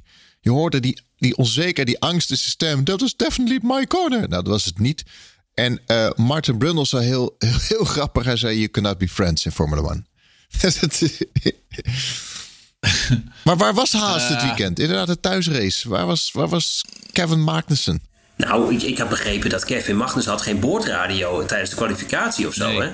Maar dan denk ik van, en dan ging hij dus maar, nou, dan rij ik maar gewoon door totdat ze mij van het circuit afhalen. Dus ik denk, ga dan, ga dan op zijn minst even naar binnen. en zeg, jongens, uh, ik hoor jullie niet. Uh, wat zullen we doen? Want je hebt gewoon tijd zat. Zeker in Q1. Dan heb je toch gewoon tijd zat om gewoon lekker... Het was Q1 totdat hij al strandde volgens mij.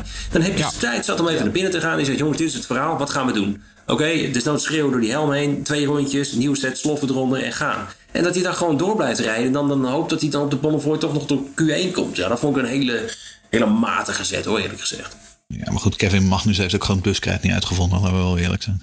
Het is een lieve jongen. Ja, een leuke race. Hard auto rijden, maar... Ja, maar het is, het is niet, het is, het is niet de, de slimste van het setje hoor. Ja, ja, ik denk dat hij hier ook gewoon een excuus zocht voor zijn falen. Maar het lukte gewoon niet. En, uh, ja. ja, maar het punt is wel dat, weet je, ik bedoel, kijk, hij bent natuurlijk negen in Imola. Maar je hebt wel het idee, vooral na die opening, een paar races. De prik begint er inmiddels al wel, al wel een beetje af te raken bij Haas. Uh, en ik, ik vrees wel een beetje van, gaat dit, gaat dit niet langzaam maar zeker dat het steeds verder naar achteren glijdt? Ja, uh, we zagen in 2016 toch ook goed beginnen en dan volgens ja, afglijden. Ja, exact, ja. ja, exact, ja. ja, precies. En waar ligt dat dan aan? Nou ja, de, de, de, dat, dat heeft ook uh, mogelijkheden. Ja, maar ook met, ja. je, met je team, met je groep mensen, met je engineers die gewoon niet het uh, ontwikkelingstempo van, van anderen kunnen volgen. Ja. Daar heeft het allemaal ook mee te maken natuurlijk. Nee, kijk, ik bedoel, weet je, je moet een beetje, als we, ja, we hebben het over Amerikaanse race. Ik bedoel, je hebt natuurlijk in het, in American football heb je die, die drafts aan het begin van ieder seizoen. Ja, ik bedoel, weet je, de, de engineers staan niet in de rij om bij Haas aan de slag te gaan de laatste paar jaar. Dus het is niet zo dat Haas kan kiezen uit de best beschikbare uh, engineers, laat staan, of de, zelfs het best beschikbare engineerstalent. Dus ja, hè, dat is hetzelfde dat, waarom, waarom wordt Ajax kampioen en wordt RKC 14? Hè? Ja, omdat de spelers van, en de mensen van Ajax beter zijn. En dat is denk ik bij Haas ook gewoon een beetje het geval. Dus ze hebben gewoon niet de beste mensen aan boord. Hij is vriend van de Race Reporter. Afgelopen uh, jaar ontmoet in Spa. Hij was afgelopen weekend in Spa. Erwin Evan Collector. Hij heeft een vraag gesteld aan René. Ja, en het leuke is, ja, dat ga even tussendoor, maar is dit dezelfde Erwin? Ik heb vroeger wel eens op een forum heb ik allerlei uh, dvd's gekocht of videobanden gekocht. Is dit een? Ja. Oh, geweldig. Ja, is wat leuk. Alle, alle, races op dvd. Ja, daarom. Ik heb, ik heb het hele seizoen 94, 95 ja. bij hem gekocht ooit. En het is oh, geweldig nog steeds. Ja, heel leuk. Maar goed, even tussendoor. Erwin, die vraagt, Mick Schumacher. Um, uh, Zo'n goed weekend en dan op het laatste moment verprutsen. Wat is jullie visie op Mick? Nou, als ik hem mag aftrappen. Uh, en even heel kort, uh, direct antwoord. Het is gewoon een prima coureur. Niet heel verkeerd, maar gewoon geen topmateriaal. Uh, als je kijkt naar zijn opstap richting de Formule 1. Ik geloof wel dat hij redelijk legit die Formule 4 titel pakte. Ehm, kijk, ik heb zelf wat jaren Europees Formule 3 commentaar gedaan. dat deed ik niet meer toen, toen Mick dat seizoen reed. Dat deed ik een paar races. Maar ik, ik heb dat nog wel in de gaten gehouden natuurlijk. En ik zag hem vervolgens de een en de andere race winnen na de zomerstop. Nou, toen had ik wel een beetje mm, twijfels. Bij de GP2, nu Formule 2, is het inmiddels wel een publiek geheim dat volgens mij degene die uh, Formule 1 gaat rijden, die moet even kampioen worden. Nou, dat wordt dan eventjes eh, op die manier gedaan. Dus dat nemen we met de korrels uit. Maar goed, hij pakte wel gewoon die titels. En het is dus wat dat betreft helemaal geen, geen, geen waardeloze coureur. Er zijn er echt wel nou, twee in het veld die ik als minder wil betitelen als uh, Mick Schumacher, minstens. Uh, het is alleen even een goede reality check dat hij vorig jaar er gewoon heel goed uitzag toen tegenover Mazepin. Nu heeft hij een een redelijke coureur naast zich zitten. En die verslaat hem eigenlijk gewoon constant. Dus, dus in die zin, ja, uh, gewoon prima hoor. Uh, zeker geen veldvulling. Zeker geen veldvulling. Maar uh, niet meer dan dat, denk ik, toch? Nee, zeker niet. Ja, nee, kijk, onze mening kennen ze al. Die van Jan. Oh, sorry. Dus daarom, ja. deze, deze vraag geven okay. ja, nee, maar Wat als die Jan Jans had geheten? Nou ja, dan, dan rijdt hij geen Formule 1 nu. Nou ja, dat is het. Nee, want ik wil het zeggen. Want dan was er namelijk, weet je, dan, dan waren al die verhalen over de Formule 3 en de Formule 2 er ook niet geweest. Want dan was er namelijk niet gesjoemeld met die motoren. Want dat is het verhaal, hè. Dat, dat, dat, dat de motoren van, eh, van Mick Schumacher gewoon een extra boostje kregen. Uh, en vooral in die lage klassen, ja, daar gaan wel eens verhalen dat dat nog met enige regelmaat gebeurt. Hè. Lance Stroll werd ook ooit nog eens kampioen in een Brema. Um, en het verhaal gaat daar ook dat, dat papa Stroll met zijn checkboek langs een aantal andere teams is gegaan van kun je hem een beetje ontzien. Um, maar ja, op dit, op dit niveau, uiteindelijk, ja, dan moet je het wel gewoon laten zien. Want, want op dit niveau werkt dat niet meer. Ja, ik, wat ik al eerder heb gezegd, ik heb vooral al die verhalen over oh, Mick Schumacher over een paar jaar bij Ferrari. Ja, echt never nooit niet. Gaat echt never nooit niet gebeuren. Race Reporter, de Formule 1 podcast. Weg voor Gasly en Yuki gaf niet thuis. Ja, ik weet, wat gebeurde er met Yuki? Die, die, die, die verdween eigenlijk gewoon een beetje uit mijn beeld op een gegeven moment. Op een gegeven moment reed hij opeens achttiende. En toen dacht ik van, oh, oké. Nou ja, klaar. Want in, in die beginfase reed hij nog redelijk mee, toch? Nou ja, volgens mij was het ook wat jij zei. Eh, de, de, hij was gewoon ineens weg. Ik, volgens mij is er niet noemenswaardig iets gebeurd. Maar hij had gewoon niet, uh, niet het tempo hier uh, om mee te draaien. Is het ook het moment om gewoon eventjes te zeggen dat de regie niet altijd even best was? Zo, die was slecht. Die was verschrikkelijk. Het ergste vond ik nog met, uh, met Max en Leclerc. Die dan gewoon uh, Leclerc of Max haalde Leclerc in. En dan uh, reizen achter elkaar nog in die DRS-zones. En dan gaan we de herhaling zien van de inhaalactie. En wacht lekker drie rondes totdat die DRS voorbij is, weet je. Mijn favoriete moment was op een gegeven moment dat er een replay kwam van David Beckham in de pitstraat. Ja, ja. Er stond op een gegeven moment, zag ik, oh, ik zag, er stond in mijn beeld replay. En vervolgens zag ik David Beckham die naar een scherm stond te kijken. Ik denk, waarom krijg ik hier een replay van. Ga weg. Uh, of die, of die, en dan had je nog die uh, bij de start, die Cokehead. Die, uh, die stond te juichen over Max Oh ja, die was ook mooi. Ja, ook ja. maar ook van... Dat, stond heel toevallig stond er even een camera naast die meneer. Terwijl die zat hij heel erg zat te juichen over de start van Max Verstappen. Maar, dat was ook een mooi Maar Yuki zagen we dus niet wat er eigenlijk gebeurde. Maar ook dus in die slotfase zag je in de toren, zag je van alles zag je gebeuren. Jeetje, dat moet één grote chaos zijn. Was het ook. Maar dat krijg je dan een beetje in een slow-mootje achteraf te zien. Terwijl er op dat moment tussen Leclerc en Verstappen eigenlijk niks meer gebeurde ik denk, ja, dat vind ik dan toch jammer. En Russell en Hamilton waren ja. constant stuivertje aan het wisselen in die slotfase. We hebben niks van gezien eigenlijk. Alleen in één, één herhaling. Nee, het was heel beroerd. Ja, maar het is eigenlijk wel een wekelijks terugkerend fenomeen hoor. Dat de regie toch wel heel erg veel mist. En ook altijd, ik, ik ben ook altijd geïrriteerd dat we na drie rondes zien we die start aan. Uh, twee minuten lang zien we startherhalingen vanuit allerlei onboards en alles. En dat is meestal in ronde drie wanneer het veld nog dicht bij elkaar zit. En dan denk ik, joh, doe dat lekker later op in de wedstrijd als het, als het even stilvalt, weet je. Albon, moeten we het over hebben. Die was goed bezig. Ja, uitstekend. Um, in tegenstelling tot uh, zijn teamgenoot. Die wat mij betreft, uh, hoe sneller ze hem door Piastri vervangen, hoe beter. Uh, want dat verhaal dat blijft toch maar rondzingen. en ik hoop echt dat dat gebeurt. Want Latifi heeft gewoon niks op dit niveau te zoeken. Um, maar Albon reed, reed heel, heel, heel goed. Um, heeft weer twee punten, geloof ik. Ja, twee. Ja. Negende plek. Toen ook geholpen door die, door die straf voor Alonso. Ja, en zo blijven Williams, ondanks dat ze toch wel een hele matige auto hebben, blijven ze maar puntjes sprokkelen. Um, maar ja, ze staan wel geloof ik voor mij nog steeds uh, vrij afgetekend laatste in het WK. Ik ben nooit zo'n uh, fan uh, van Alex Albon geweest. Ik, ik ben nooit zo in zijn, nee. in, zijn, in zijn junior series was ik ook nooit zo heel erg van hem onder de indruk. Hij won wel wat races af en toe, maar moest het toch wel afleggen tegen de echte toptalenten. ik moet wel zeggen dat hij het nu gewoon heel erg goed doet. hij, lijkt, hij rijdt heel volwassen, doet weinig malle dingen. ja, maar het is natuurlijk heel moeilijk om iemand af te meten aan Latifi. maar ja, ik denk dat hij misschien van het niveau uh, Kevin Magnussen is. En uh, ja, als je dan als Latifi zo afgetekend door hem aan de kant wordt gezet in zijn eerste jaar uh, bij Williams. Ja, dan is dat wel heel tekenend. Gelukkig zijn er heel veel verhalen. en ik geloof die begin die wel langzaamaan een beetje te geloven dat dit wel het laatste jaar is van Nicolas Latifi. Ook omdat Williams niet zo heel erg meer op zoek is naar, naar geld. mede door de budget cap en de nieuwe eigenaren. Uh, Piastri wordt genoemd. Uh, maar misschien, uh, wat mij betreft, mag iedere andere, iedere rijder mag Latifi wel vervangen. Ehm, ja, Alex Albon. Ik, vind, ik ben er positief door hem verrast. Ik kan niet anders zeggen is het eigenlijk niet hetzelfde wat je net ook al terecht zegt, joh, van ja, moeilijk af te meten met Latifi. Maar ik, wat we net over Mick zeiden. Dus ja, zet er een echt goede rijder in die Williams en dan weet je hoe hard hij echt kan. Dus, uh. Ja, dat is ook zo. Maar ik moet wel zeggen, uh, hij maakt geen fouten. Hij stapt natuurlijk, hij is nieuw in, het, uh, nieuw in het team, dus je moet toch altijd een beetje je weg vinden. Hij heeft een jaar niet gereden in de Formule 1. Dat is toch ook vaak voor coureurs wel lastig om dan terug te keren. Zeker voor een onervaren coureur als hem. Hebben we ook als bij Ocon gezien bijvoorbeeld, die ook moeite had om terug te komen.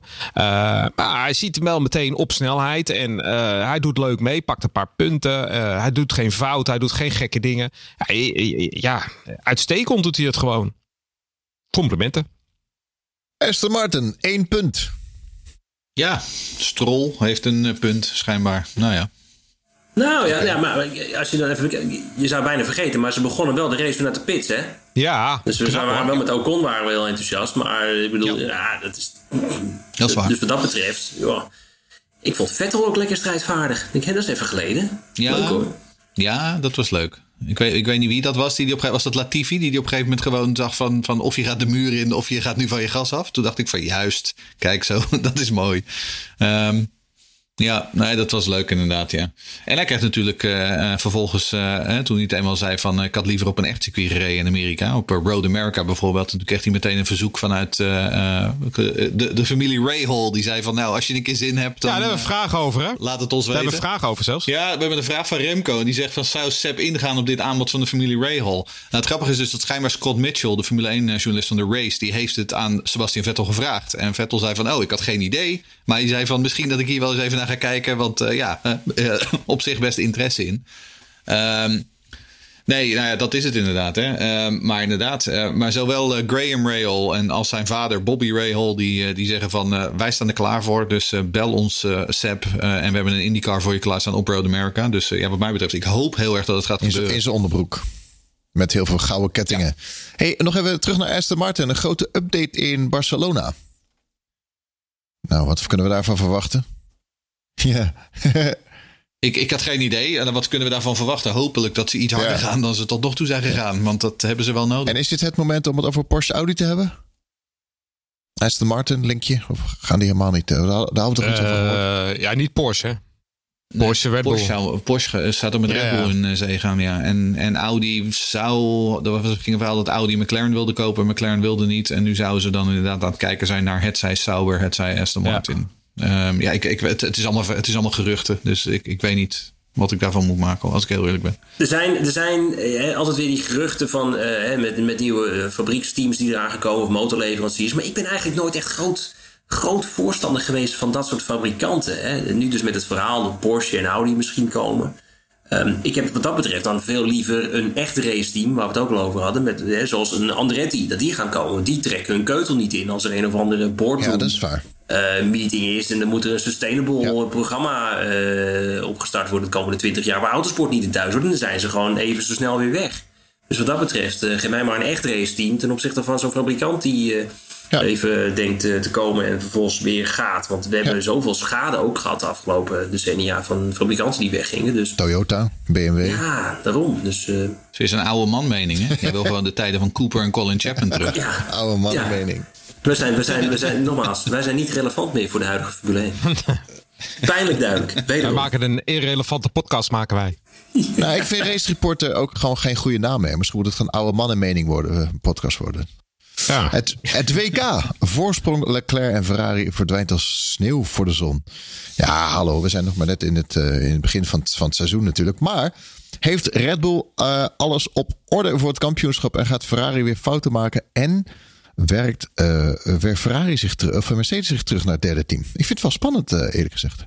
Nou, het is ook wel spannend. Moet ik eerlijk zeggen. Want het, eh, het WK, ja, kijk, eh, Max heeft natuurlijk eh, die twee uitvalbeurten gehad. Anders had hij royaal aan, eh, aan, de, aan de leiding gestaan. Red Bull is op dit moment, denk ik, ook in races in ieder geval wel het snelste team.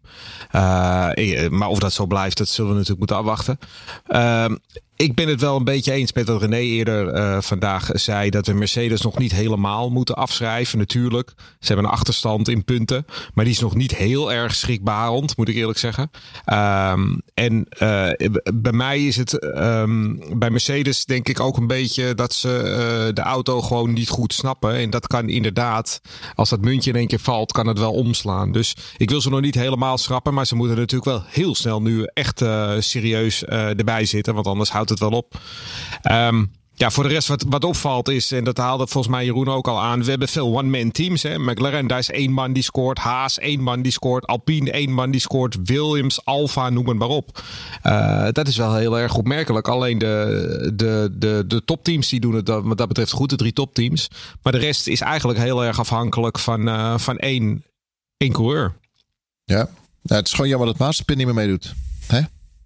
Ja, daarna had Haas natuurlijk de veel meer punten gehad. Ja, Verstappen heeft 46 punten eh, eh, van, van eh, sorry, ik zeg het verkeerd. Verstappen van 46 punten naar 19 punten in twee races. Dus er kan van alles gebeuren nog. ja, die- ja, ik- Ja, maar- het, is, het, is, het seizoen is net begonnen. Waar hebben we het over? Nou ja, goed, ik heb het er nu opgezet omdat het, de- de- begint nu toch wel wat zich te, te ontstaan in het WK. Ja. Hè? We zien eh, toch wel dat de, de bovenste twee teams zich af gaan splitsen, zitten dicht bij elkaar. En eh, daaronder eh, begint zich wel een, een duidelijk. Mercedes zit eigenlijk in niemands land en daarachter, daar, daar zit iedereen eigenlijk vrij dicht bij elkaar nog. En dat vertaalt zich ook wel een beetje op de circuits.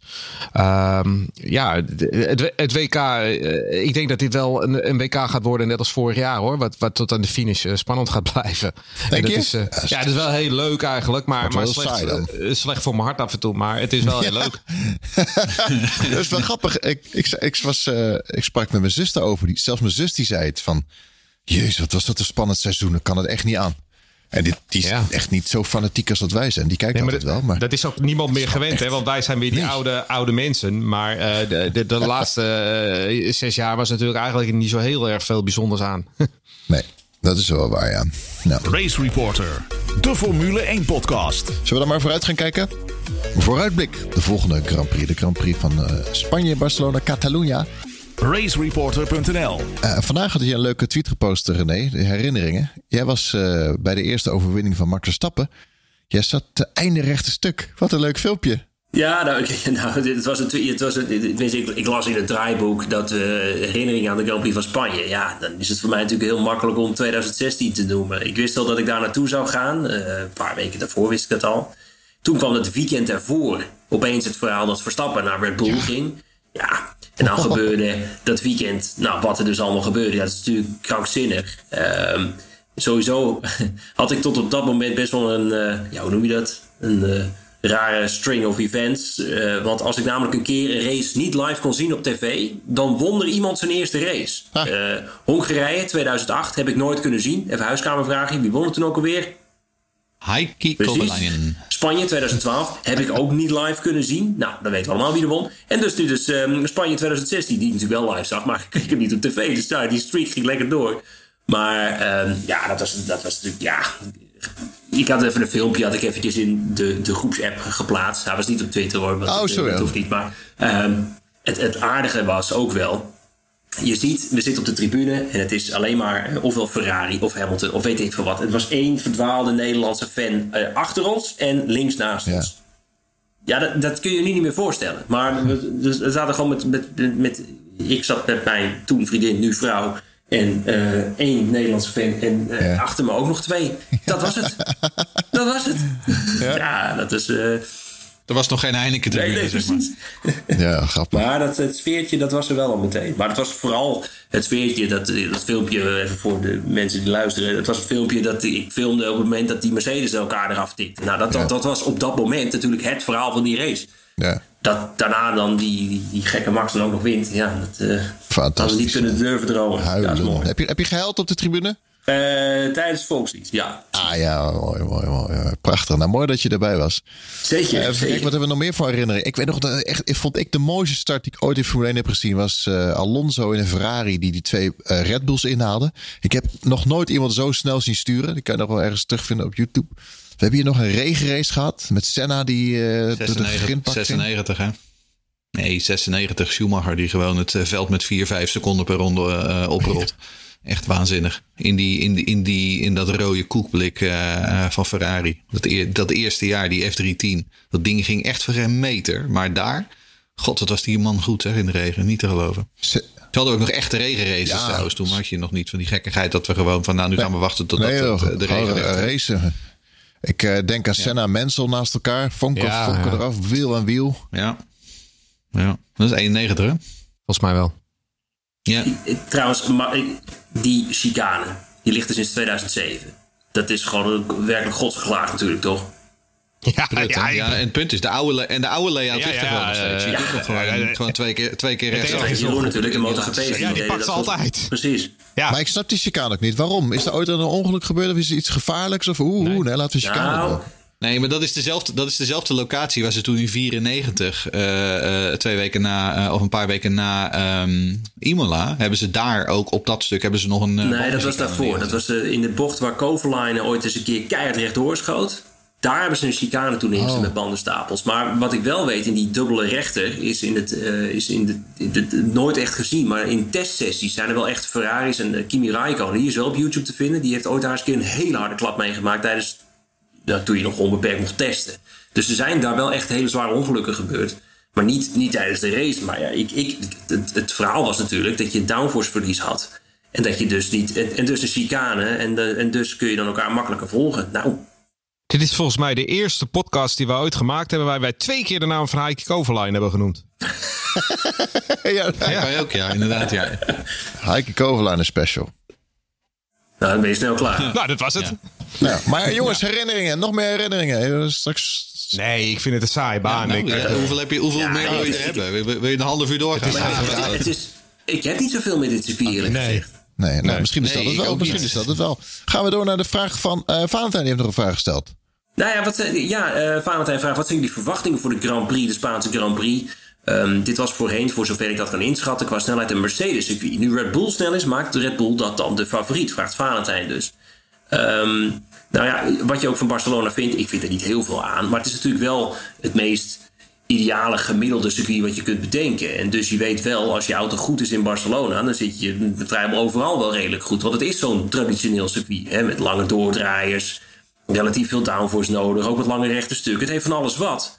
Maar wat misschien ook wel interessant is. Um, als je, ja, of ik moet het helemaal verkeerd hebben. Maar we hebben dit seizoen eigenlijk nog niet echt een echt traditioneel gemiddeld circuit gehad. Ik bedoel, Bahrein Imola, dat zijn eigenlijk een beetje start-stop circuits. Net zoals Canada een beetje. En verder hebben we drie al dan niet hybride stratencircuits volgens mij gehad. Dus, dus, dus normaliter kon je dan ook in Barcelona zien hoe die auto's echt zijn. Alleen zoveel traditionele circuits, die, die, worden steeds meer eruit gehaald. Dus Je hebt natuurlijk al de Barcelona's, de Paul Ricards, Silverstones en, en, en, en Zandvoorts. Maar met de trend die nu gaande is, is het misschien niet eens zo heel gek om het traditionele circuit. Dat is bijna misschien niet eens meer een traditioneel circuit. Dus misschien kun je, moet je daar niet eens meer je auto echt op, uh, op uh, ontwikkelen in die zin. Maar vaak is wel de snelste auto. Die wint volgens mij, ik weet niet of er, er zullen heus wel staatjes van zijn. Maar ik denk dat, uh, dat over het algemeen de winnaar van de Grand Prix van Spanje op Barcelona, onder normale omstandigheden, Los van Pastor Maldonado. Die is ook kampioen. Ik wil het zeggen, wereldkampioen Pastor Maldonado. Wie kent hem Over alternatief uh, tijdlijnen gesproken. Maar de, de, dus, dus, nou ja, natuurlijk maakt het dan Red Bull favoriet. Ja, de, de Red Bull van gisteren wel. Maar het, kijk, de, wat jij ook zegt, Barcelona is natuurlijk een heel uh, gemiddeld circuit wat dat betreft. Daarom komen ook al die teams met allemaal updates. Want het is hier makkelijk, uh, makkelijk mee te testen ook. ja, Ferrari moet gewoon recht al rechte lijnsnelheid vinden. En dan hebben ze een auto die, uh, die echt serieus mee kan gaan doen. Um, ik denk dat dat ook een beetje in een filosofie zit. Ik denk dat ze heel erg gegokt hebben op die motor. Hè? Want die motor hebben ze twee jaar aan gewerkt. En dat was echt een supermotor. Nou, dat is hij ook wel. Misschien wel de sterkste van het veld. Hebben daarom ook misschien wel bedacht van nou, we gooien een auto. Die gooien we helemaal vol met downforce. Maar toen kwam dat gekke Red Bull. Die heeft gewoon misschien wel een iets minder sterke motor. Maar die hebben een ontzettend efficiënte auto. Waardoor ze die, die snelheid toch hebben. Uh, meer snelheid hebben. Omdat die gewoon qua drag en zo veel efficiënter werkt. En ik denk dat Ferrari zich daar misschien uh, uh, op aan het richten is om daar iets meer efficiëntie in de auto te krijgen. En, uh, maar ja, goed. Ja, ze komen een nieuwe achtervleugel. Hè? Er ja. zou een nieuwe achtervleugel hier in Miami erop gaan. Uh, dat, dat gebeurde niet. En die komt nu in Barcelona. Ja, maar ik verwacht, zien ik verwacht nog wel, iets, ik verwacht wel iets meer dan alleen de achtervleugel van Ferrari, als ik het begrepen heb. Ik ook. Oh, oké. Okay. Ja. Iedereen heeft updates, lijkt wel. We gaan snel voorspellen. Voorspelling om. 1, 2, 3 en 10. Charles is er niet, maar die heeft gezegd uh, Max, Leclerc, Perez en Magnussen. En ik heb uh, aan het begin van het seizoen gezegd dat ik uh, Charles ga volgen, want die is de voorspelkoning. Die heeft al twee keer gewonnen. we staan ook gelijk nu. 116 punten allebei. En voor de duidelijkheid, we doen iedere Grand Prix doen we een voorspelling. Punten, is leuk. Maar dat is niet zo gek nou, natuurlijk. Hè? Als jij de hele tijd hetzelfde doet als hem, dat jullie dan dezelfde aantal nou, punten nee, hebben. Dat is niet helemaal Ja, bijna hetzelfde. Ik heb alleen wel, als Charles dit jaar weer kampioen wordt, dan stoppen we weer mee. Dan is het niet meer leuk. of dan moet die, okay. uh, gaan we iets anders. Gaan we de regels aanpassen. Of weet ik niet. Ja, mag Charles niet meer meedoen. Ja. Ik ga, ik ga voor Max Verstappen, Leclerc, Perez en Ocon. Ik ga voor uh, Leclerc, Verstappen, Perez en Zoe.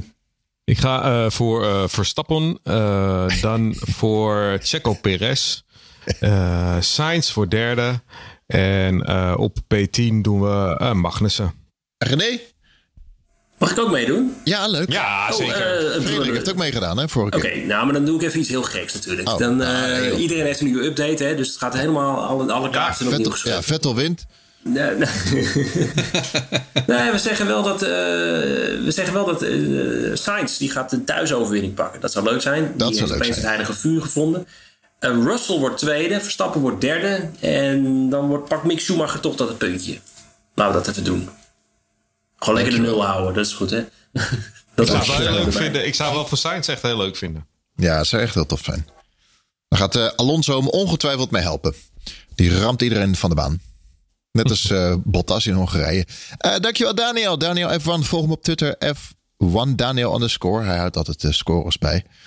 Uh, Grand Prix van Spanje. Kwalificatie 21 mei om 4 uur. En de race zondag 22 mei om 15 uur. Dus 3 uur s middags.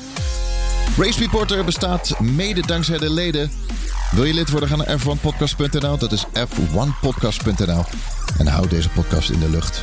Ik noem een aantal gouden leden, een aantal platina-leden. Niels de Boer, Bas van Bodegraven, dankjewel. Etienne Peters, Menno van de Veen, Ewoud, de F1-nerd. Joost Landzaat, dankjewel. Ronald Plas, Kevin Rijmert, Rick Debets, Rowdy Rabouw, Remco Zoon, Chris van Ditsber, Ditshuizen, Chris, Niels, Karin, Jarno Dijkstra, Peter Smokses, Sigar, Hugo Elbersen, Ron Hazelenbach. Dankjewel, dat zijn de gouden leden. Platina, super, bedankt. Annelies Bier, Daan Legrand, Mike, Ties Roodhart en Harry de Groot. Ook lid worden? Ga naar ervanpodcast.nl. We zijn weer eeuwig dankbaar. Was dat, dat was hem. Dank jullie wel, heren. Graag gedaan. Ja, dankjewel René. Dankjewel René. Hartstikke leuk. leuk dat je erbij was. Tot, hartstikke leuk. Tot de volgende keer. Doei. Ciao. hoi. hoi. hoi.